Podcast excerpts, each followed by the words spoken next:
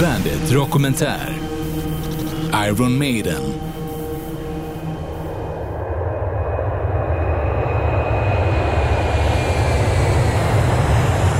Eget privatplan, över 2000 livespelningar runt om i världen, en bandlogga som bärs på t-shirts, kepsar och kaffekoppar jorden runt och över 100 miljoner sålda album.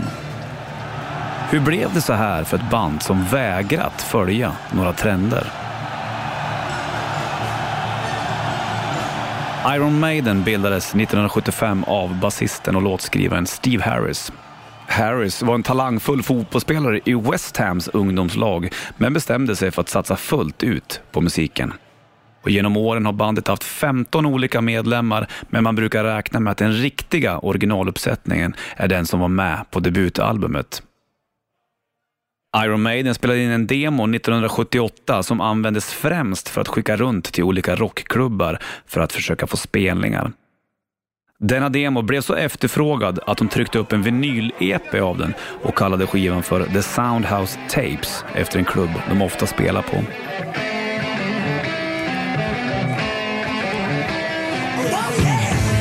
Skivan trycktes endast upp i 5000 exemplar och är idag såklart eftertraktad av just Maiden-fans. Första albumet bandet medverkade på var en samlingsskiva från 1979 som heter Medal for Mothers. Hela skivan var en del av vågen som musiktidningen Sounds kallade för New Wave of British Heavy Metal. Och vid det här laget hade Iron Maiden skapat intresse hos ett flertal stora skivbolag och hamnade med hjälp av managern Rod Smallwood på EMI. Smallwood har blivit något av en ikon för de allra hängivnaste Maiden-fansen och jobbar fortfarande med gruppen. Inte nog med att han grejade skivkontrakt i bandet, han var även den som anlitade konstnären Derek Riggs, mannen bakom en av världens mest kända maskotar, Eddie the Head. Till vardags kallad Eddie. Eddie är förmodligen mer känd än någon av bandmedlemmarna han finns avbildad i olika former och koncept på samtliga av gruppens albumomslag och all möjlig merchandise och gör även gästspel på scen under bandets konserter. Första gången han syntes var på debutsingen Running Free som släpptes 1980. Samma år släpptes det självbetitlade debutalbumet som nådde plats fyra på topplistan såväl hemma i England som i Sverige. Iron Maiden bestod då av Steve Harris på bas, Dave Murray gitarr, Dennis Stratton gitarr, Clive Burr trummor och den punkiga Paul Diano på sång.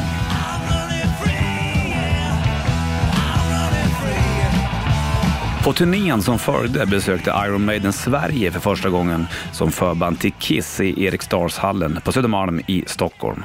Gitarristen Stratton slutade i samband med att turnén med Kiss tog slut och inkom Adrian Smith. Och med den nya uppsättningen spelade bandet in och släppte albumet Killers.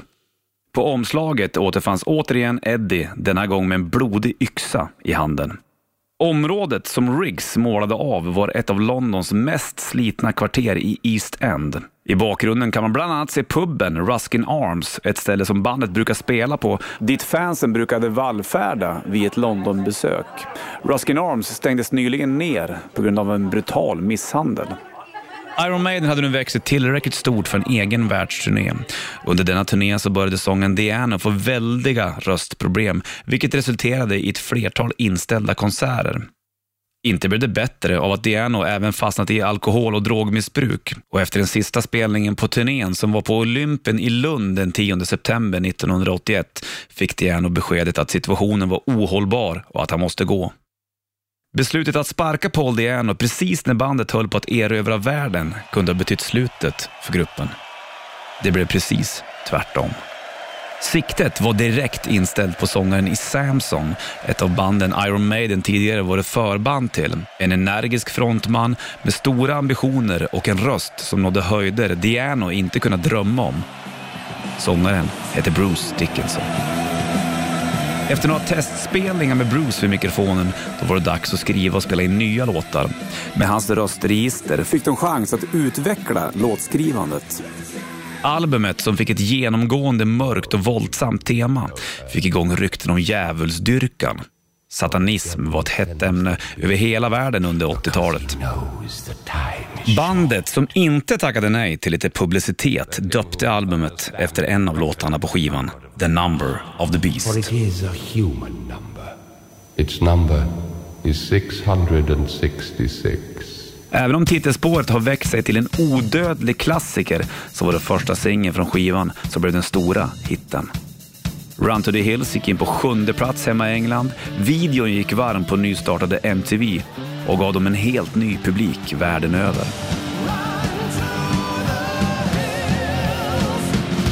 Iron Maiden hade i och med släppet av The Number of the Beast möjlighet att turnera på större arenor och i flera länder.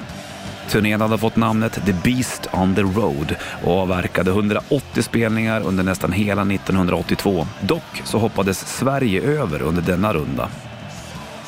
Livet på turné är som bekant inte för alla. Denna gång var det trummisen Clive Burr som började prioritera livet utanför scenen, vilket påverkade konserterna. Bandet hade inte för avsikt att sakta ner på tempot och efter sista konserten på The Beast on the Road-turnén fick han beskedet att han inte längre var Iron Maidens trummis. På jakt efter en ny trummis vände de sig till ytterligare en musiker som de turnerat tillsammans med. Valet föll på Nicky McBrain som turnerat tillsammans med Iron Maiden i början av 80-talet. Med Nicky McBrain hade de hittat en laguppställning som skulle hålla längre än någon uppställning tidigare och bandet hade påbörjat sin första gyllene era. I början av 1983 flög Iron Maiden till Bahamas för att börja spela in nya albumet Peace of Mind. Det första av en trio album som spelades in på Paradisön. Steve Harris berättar. We made albums uh, in the early 80s, um, Compass Point Studios. We, mm. we made three albums there. Uh, we did uh, Peace of Mind, uh, Power Slave and Somewhere in Time there. Mm. Peace of Mind blev en enorm succé även den, inte minst med draghjälp av singeln The Trooper. Den efterföljande turnén fick namnet World Peace Tour och avslutningsgigget i mitten av december fick en helt oväntad betydelse för de rockhungriga ungdomarna i Sverige. Kanske var det just med denna spelningen som relationen mellan Sverige och Iron Maiden cementerades. Hur kan då en festivalspelning i Westfalenhalle i Dortmund i dåtidens Västtyskland beröra svenskarna? Festivalen som kallades Heavy Metal Nonstop eller Rock and Pop in Concert beroende på vem man frågar innehöll förutom Iron Maiden även bland annat Scorpions, Def Leppard, Judas Priest och Ozzy Osbourne. Samtliga band antingen på väg upp eller redan på toppen av sina karriärer. Även dessa band har ett extra långt och starkt kärleksförhållande till Sverige och svenskarna. Kan detta till och med ha lagt grunden och stabiliteten till Sveriges största festival? Festivalen filmades nämligen och någon högt uppsatt på SVT och P3 hade beslutat att eftersända detta parallellt en lördagkväll i februari 1984. På den tiden fanns det bara två kanaler och att få se och höra hårdrock på någon av dessa var vid tidpunkten otänkbart. Att det dessutom var tre timmar med några av de allra största rockbanden var som en extra julafton i februari, trots att programmet döpts till Lucia Rock, eftersom den spelats in under Lucia-helgen. Idag kallas det även för Dortmundfestivalen. Och var så säkra, det talas fortfarande om heavy metal nonstop, Lucia-rocken eller vad du nu vill kalla den. Klippen ligger nu även såklart på Youtube för alla som vill se. Annat var det alltså 1984. Efter en kortare paus var det dags att återigen äntra studion på Bahamas och denna gång för att spela in albumet Powerslave. Och nu hade Iron Maiden för första gången spelat in ett album med samma bandmedlemmar två gånger i rad. Även Powerslave blev en stor försäljningsframgång, vilket medförde en stor efterfrågan efter bandet runt om i världen. World Slavery Tour var den största hårdrocksturnén någonsin och bandet spelade 187 konserter i 28 länder på 12 månader. Inspelningar från denna turné släpptes senare på liveplattan Live After Death, en liveskiva som rankas av både många fans och kritiker som världens bästa livealbum. Konserternas intro var ett tal av Winston Churchill från andra världskriget. We ska defend our island, whatever the cost may be. We Vi ska on the beaches, we shall fight on the landing ground, we shall fight in the fields and in the streets, we shall fight in the hills. We shall never surrender.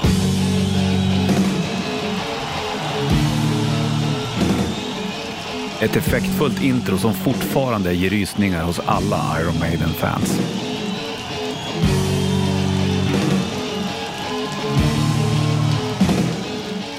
Tredje albumet inspelat på Bahamas blev Somewhere in Time.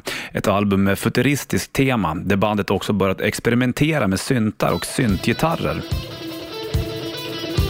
På följande turné, Somewhere on Tour, hade bandet en keyboardist med sig. Dock så syntes han aldrig på scen. Nu hade gruppen ångan uppe ordentligt och släppte 1988 konceptalbumet Seventh Son av a Seventh Son. Även denna platta blev en stor succé och under påföljande turné spelade de återigen på de största arenorna världen över. De var även huvudband på den klassiska festivalen Monsters of Rock på Donington Park hemma i England inför rekordpublik. Över 107 000 människor hade samlats på festivalfältet för att se dem, Kiss, Megadeth och ett nytt hett band från Los Angeles kallat Guns N' Roses. Trots det ostadiga vädret var allt bäddat för en stor härlig rockfest. Men ödet ville annorlunda. Publiktrycket var enormt och mitt under Guns N' Roses-spelningen klämdes två fans till döds.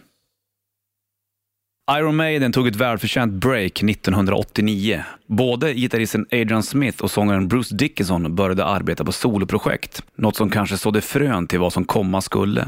När det var dags att dra igång Iron Maiden-maskineriet igen så visade det sig att Adrian Smith och Steve Harris var oense om vilket håll man skulle föra bandet vidare.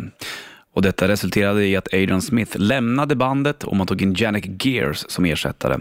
Gears hade året innan arbetat med Bruce Dickinsons soloskiva, så övergången var både naturlig och smidig. 1990 släppte man albumet No Prayer for the Dying och första singeln från albumet var en nyinspelning av låten Bring Your Daughter to the Slaughter som Bruce tidigare hade spelat in med sitt soloprojekt till soundtracket för filmen Terror på Elm Street 5, The Dream Child.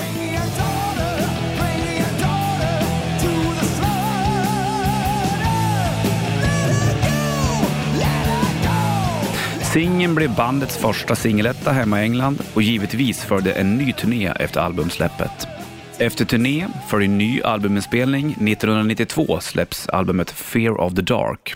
Noterbart är att detta var första skivomslaget som inte målades av Derek Riggs.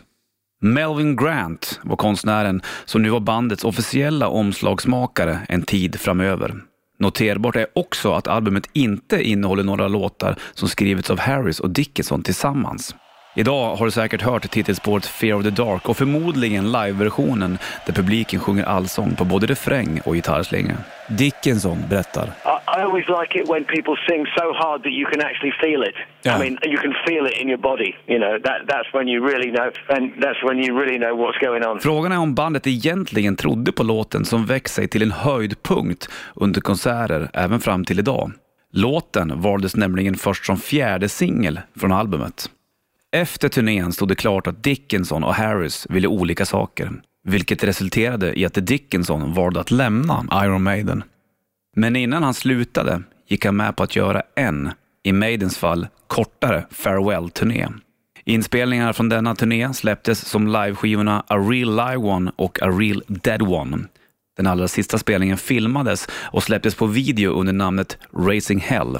Konserten avslutades med att skräckmagikern Simon Drake avrättade Dickinson i ett tortyrredskap, en så kallad Iron Maiden.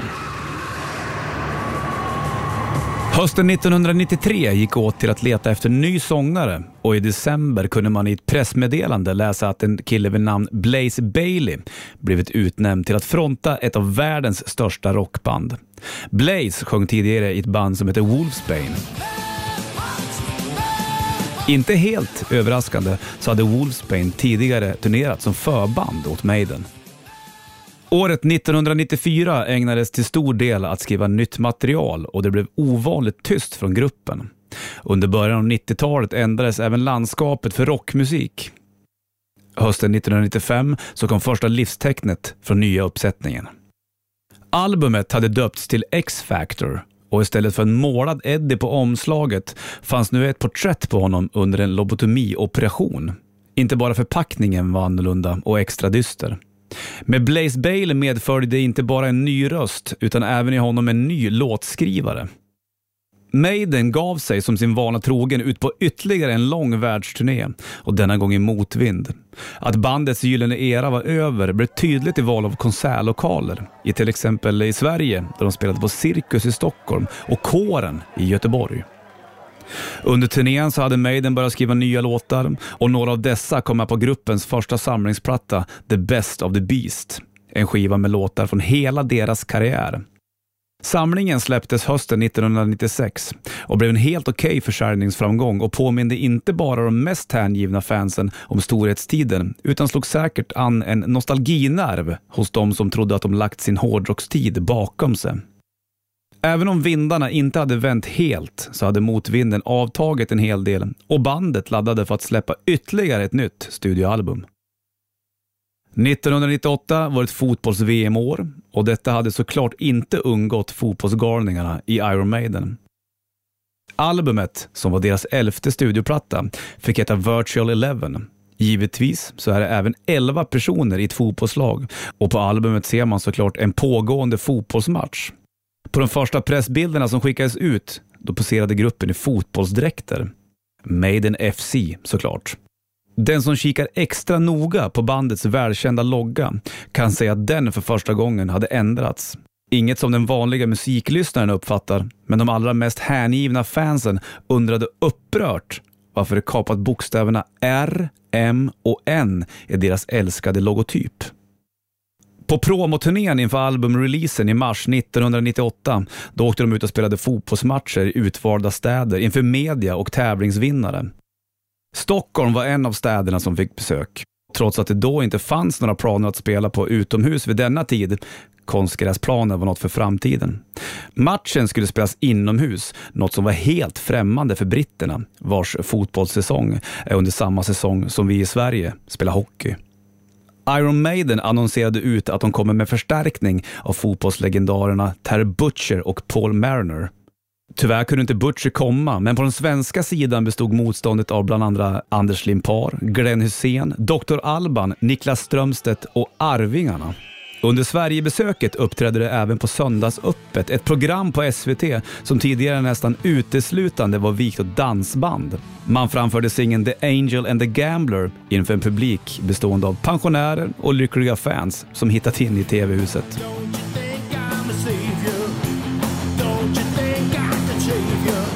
Nu kändes det som att vindarna var på väg att vända igen och allt var äntligen upplagt för en ny succé igen.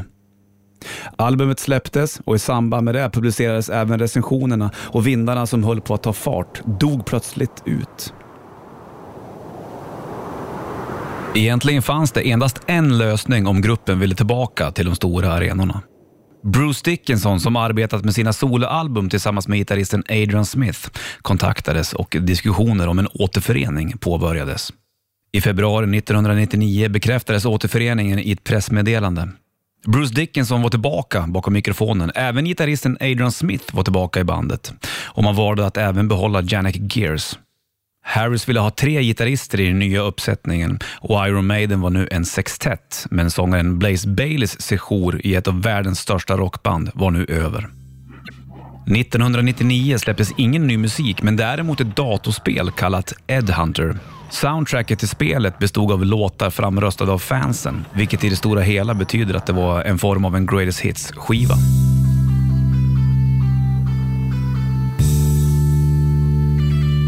Spelets banor var uppbyggda efter Maidens spektakulära skivomslag, så det var ju lätt för fansen att känna igen sig i både ljud och bild när de spelade.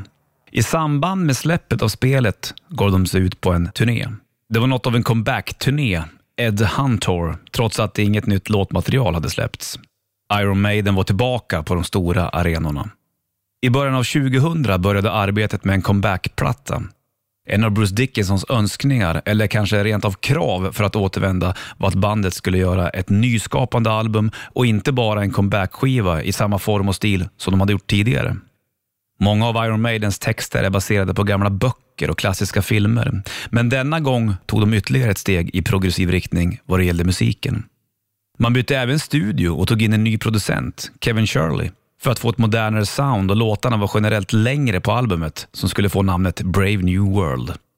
Albumtiteln och inspiration till låttexten och albumomslaget lånar de från en novell från 1931 av brittiske författaren Aldous Huxley. Den svenska utgåvan av boken heter Du sköna nya värld och handlar om en avlägsen framtid. Albumet släpptes den 29 maj och mottogs av fina recensioner från journalister och fans och gick rakt upp i topp på den svenska albumlistan. Brave New World Tour kulminerade i Rio de Janeiro där de spelade inför 250 000 fans. Spelningen förevigas både på köpfilm och skiva Rockin' Rio. Live-versionen av Fear of the Dark som nämndes tidigare i den här podden är den som har blivit en radiofavorit och facit för hur publiken ska låta i framtida framförande av låten.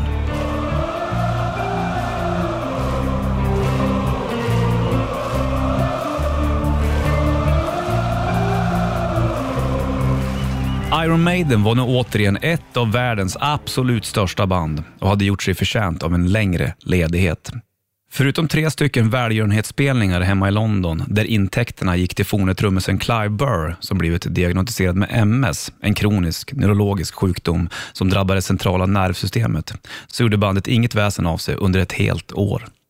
Sommaren 2003 gjorde bandet en kortare sommarturné, Give Me Ed, till I'm Dead Tour, där de bland annat premiärspelade en helt ny låt från den kommande studioplattan. Låten hette Wildest Dreams och blev första singeln från det trettonde albumet som fick titeln Dance of Death. Det mest kontroversiella med albumet var omslaget. Vid det här laget var det ju julafton varje gång Iron Maiden skulle släppa en ny skiva och man som fan äntligen skulle få se vilken skepnad monstret Eddie hade fått denna gång. Man kan väl likna det vid att man fick ett mjukt paket när man önskade sig tv-spel.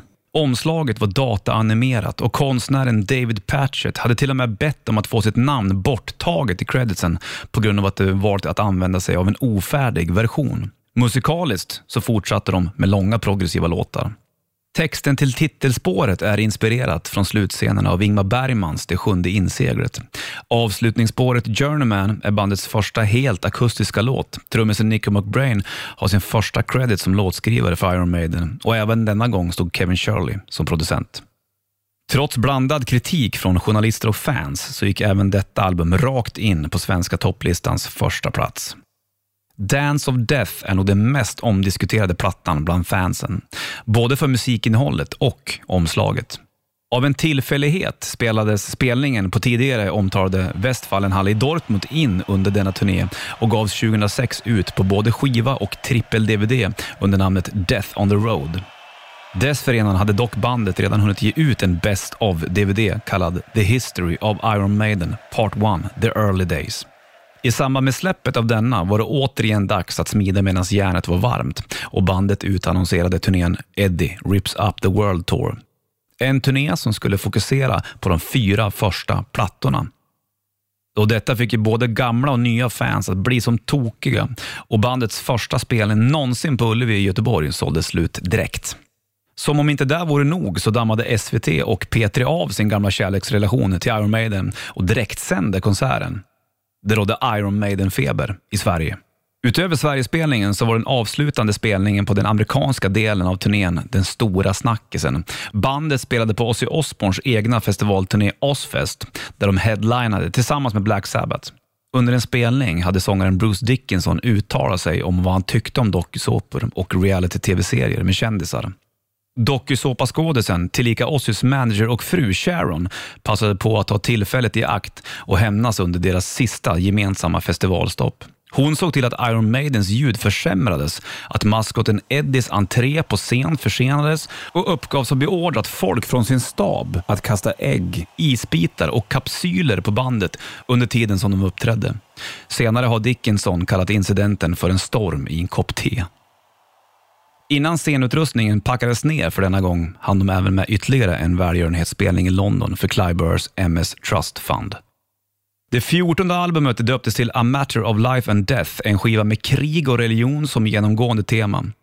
Liksom tidigare plattor som släppts efter återföreningen så klockar de flesta låtarna in på över sex minuter.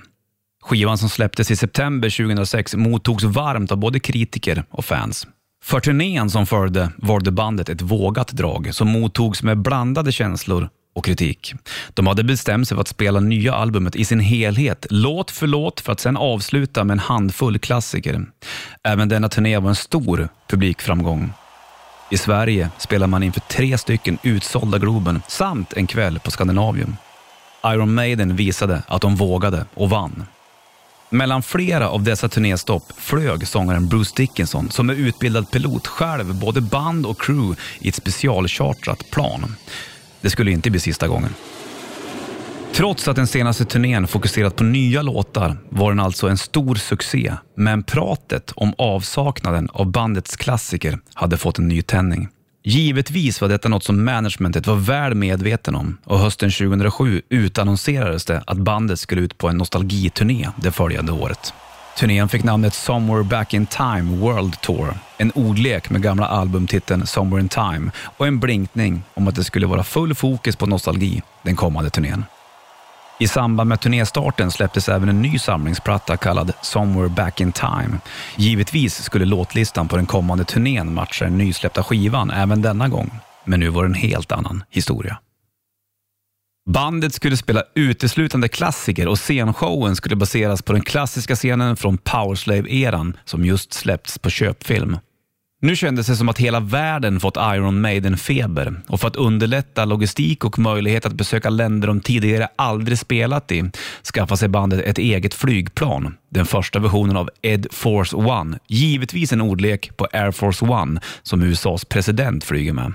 Planet var en ombyggd Boeing 757 och flögs av sångaren Bruce Dickinson. Ombord fanns bandmedlemmar, crew, instrument och scenutrustning.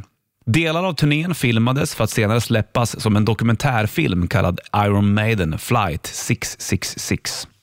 I Sverige spelar de på ett utsålt Stockholmsstadion och Ullevi i Göteborg. Recensionerna blev även denna gång fantastiska från både kritiker och supporters. Även om Iron Maiden vid det här laget varit ett av världens största rockband under två långa perioder, så hade de alltid behållit en stark arbetsmoral och gjort allt för att varje konsert ska vara så energifylld och bra som möjligt. Kanske är det den brittiska arbetarklassens mentalitet som lyser igenom även hos dessa superstjärnor inom rocken. Så vad gör man då efter en turné när man har hög arbetsmoral och spelar i ett rockband?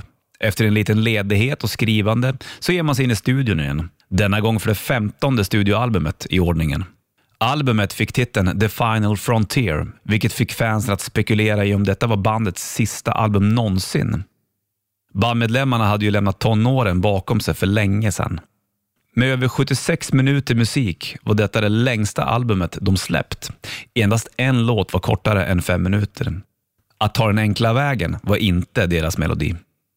På turnén som följde så var de bland annat huvudband på Sonisphere-festivalen i Stockholm i augusti. En festival som präglades av det fruktansvärda ovädret som pågick lagom till introt till deras spelning och av en tillfällighet hade uppehåll lagom tills att konsertens sista ackord rivits av då åskovädret drog in över huvudstaden igen. Bandet återvände på samma turné till Göteborg i juni året efter. Det blev deras tredje utsålda Ullevi-spelning. Upplägget för konserterna var mer vågat än deras Best of-turnéer. Nu fokuserades låtvalet främst på senare års skivsläpp. Trots detta, eller på grund av detta, fick det överlag bra kritik från journalister, men många fans önskade att de hade lagt in fler klassiker igen. Iron Maiden med medlemmar och management med örat mot marken snappade återigen upp det stora intresset för gruppens katalog och släppte en DVD av den tidigare släppta VHS-versionen av konsertfilmen Maiden England inspelat under Seventh Son of a Seventh Son-eran 1988. Givetvis passade man även på att ge sig ut på en turné baserad på just denna spelning och fokuserade återigen på material från 80-talet. I september 2012 skickades ett pressmeddelande ut som förkunnade att Iron Maiden var det första rockband som bokats in på den då nybyggda nationalarenan Friends Arena i Solna. Konserten som hölls i juli året därpå sålde ut direkt och man besökte även utsålt Malmö stadion denna vända. Turnén som avslutades 2014 blev deras längsta på 12 år. I februari 2015 blev det officiellt att en ny skiva var inspelad och redo att släppas. Dock så blev utgivningen av skivan uppskjuten på obestämd framtid då Dickinson diagnostiserats med cancer på tungan. Efter sju veckors cellgiftbehandling och strålbehandling meddelar läkarna att de räknar med att han skulle bli fullt frisk tack vare att man upptäckt tumören i ett tidigt skede. I juni samma år gick man ut med nyheten att det nya albumet döpt till The Book of Souls skulle släppas i september. Dock så skulle de avvakta med turnéstarten till 2016 för att låta sångaren återhämta sig. Den 4 september släpptes då The Book of Souls. I en tid där aktörer som Spotify och YouTube siktar in sig på enstaka låtar som publiken streamar om och om igen. Vad gör då ett brittiskt hårdrocksband som inte följer några trender? De släpper såklart sitt första studio-dubbelalbum med över 92 minuter musik. På skivan ligger bland annat deras längsta låt, Empire of the Clouds, som är en 18 minuter lång historia om ett luftskepp som kraschade 1930. Givetvis är målgruppen för sådana historier enorm och albumet gick in som etta både i Sverige och hemma i England, liksom många andra länder. Turnén som startade i februari 2016 fick mycket uppmärksamhet på grund av gruppens nya flygplan. Visst hade Bruce Dickinson flugit band och crew tidigare under turné, men nu hade de satsat ytterligare och skaffat sig en enorm jumbojet, en 747-400. För dig som kan dina flygplan eller vill googla. Planet tog dem till världens alla hörn och bilder på det enorma planet med Iron Maiden-logga på kroppen och Eddie Morning på stjärtvingen spreds likt en löpeld vartefter de landade på de olika platserna världen över. Speciellt en bild fick extra stor spridning. Ed Force One hade parkerat på flygplatsen i Zürich bredvid planen som tillhörde Frankrikes president François Hollande och Tysklands förbundskansler Angela Merkel. Politikernas privatjetplan såg ut som små leksaksmodeller bredvid det monstermålade planet från England. På den här turnén var det Göteborgs tur att få ta del av Sverigebesöket och bandet fyllde återigen Ullevi. Turnéavslutet skedde 21 juli 2017 i New York med svenska bandet Ghost som support. Det skulle vara intressant att kalla in en kontrollant från Guinness rekordbok för att se vilket som är det hårdast arbetande bandet i världen som har influerat så många. Steve Harris berättar. Um, I don't really think of it like that, really. But um, Does it strike I mean, you- I think that you, I get a lot of people come up and say to me, you know, that you're an influence and stuff like that, which I just take as a fantastic compliment. So yeah, it's brilliant. I mean, you know, I feel lucky that I do what I do, and sometimes I can hear it, sometimes I can't. You know, I've had a couple of bands that say, "Oh, you're a big influence," and I can't hear where the influence is. But other bands, I can really hear it. So, um, but it doesn't matter whether you can hear it or not. It's just people paying you that compliment. It's fantastic, you know. I maj 2018 åkte Iron Maiden åter ut på världsturné. Denna gång var konceptet ännu en gång fokuserat på nostalgi och kallades The Legacy of the Beast World Tour. En turné de döpt efter ett mobilspel de nyligen lanserat. Som namnet antyder så var denna turné också fokuserad på bandets historia och arv. Under sommaren besökte de Sverige för spelningar på Tele2 Arena i Stockholm och som huvudband inför rekordpublik på Sweden Rock Festival. Turnén fortsätter i Syd och Nordamerika under 2019 och har ni lyssnat igenom det här avsnittet så kan både ni och jag gissa på att det snart är dags för en ny studioplatta innan man packar ner pass, trummor och gitarrer och ger sig ut på vägarna, eller i luften igen. För att vara ett av världens absolut största band så har de varit förskonade från några större skandaler eller skvaller.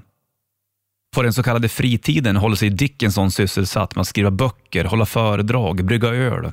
Som entreprenör och flygfantast är han engagerad i ett företag som jobbar med luftskepp avsedda att användas i samband med bland annat hjälpinsatser.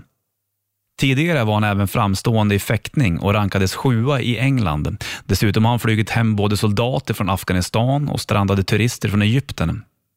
Man får inte heller glömma att han hann med en solokarriär någonstans mitt i allt detta. Mycket har kretsat kring fotboll när det gäller Steve Harris.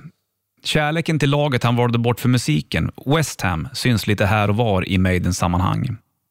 I butik kan man köpa en Fender-bas, Steve Harris Precision Bass, med West Hams officiella klubbemblem färdigmålat på. Under konserter bär han svettband på sina handleder med West Hams färger, vinrött och ljusblått och axelbandet i basen har såklart matchande färger.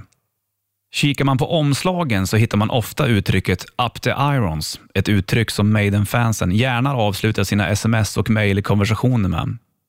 Uttrycket är lånat från West Hams supportrar som använde uttrycket “up the hammers”. Det finns mycket att titta på när man tar fram omslaget till “Somewhere in time”. Bland annat ser man en digitalskylt med texten “Latest results, West Ham 7, Arsenal 3”. Givetvis har denna kärlek smittat många Maiden-fans runt om i världen, som nu blivit West Ham-supportrar. Yeah, when I was 14, I was on West Ham's books uh, for about nine months. So, and that's my team, West Ham. So, Mm, I know. um, We all know. so it wasn't a good weekend really because West Ham lost and we lost, and then I went to the pub and they showed a re.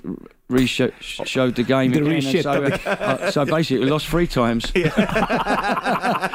so it wasn't it wasn't good really, but crying over me beer. But what can you do?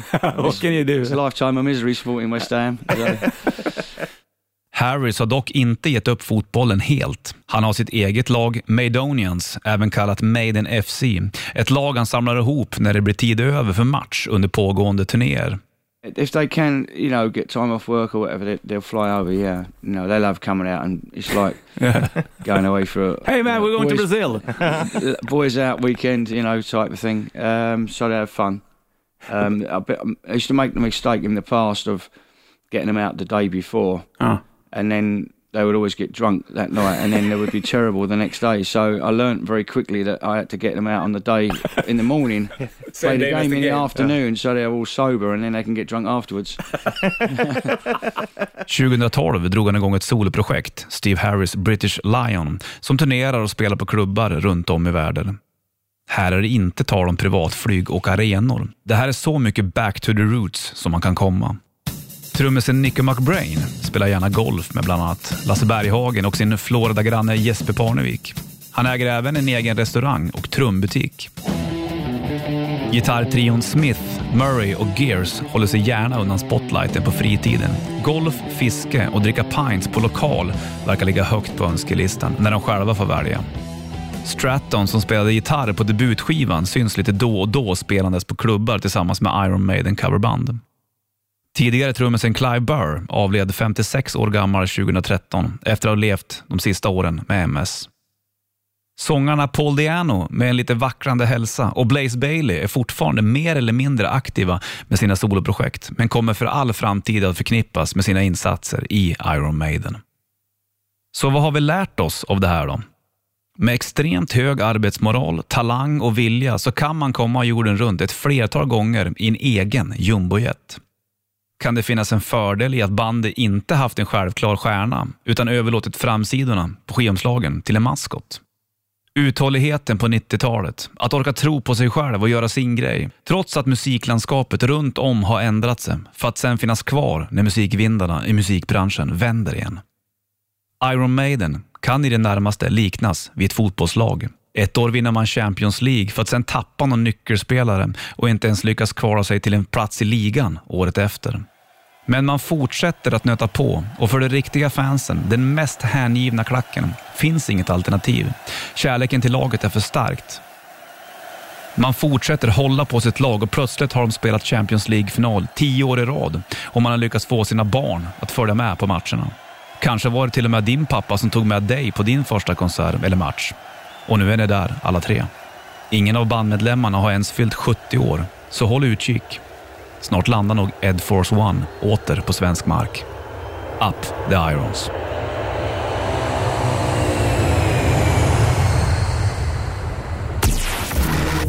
Bandit Dokumentär Iron Maiden produceras av Henrik Rosenqvist, Anders Manjo och Martin Boman.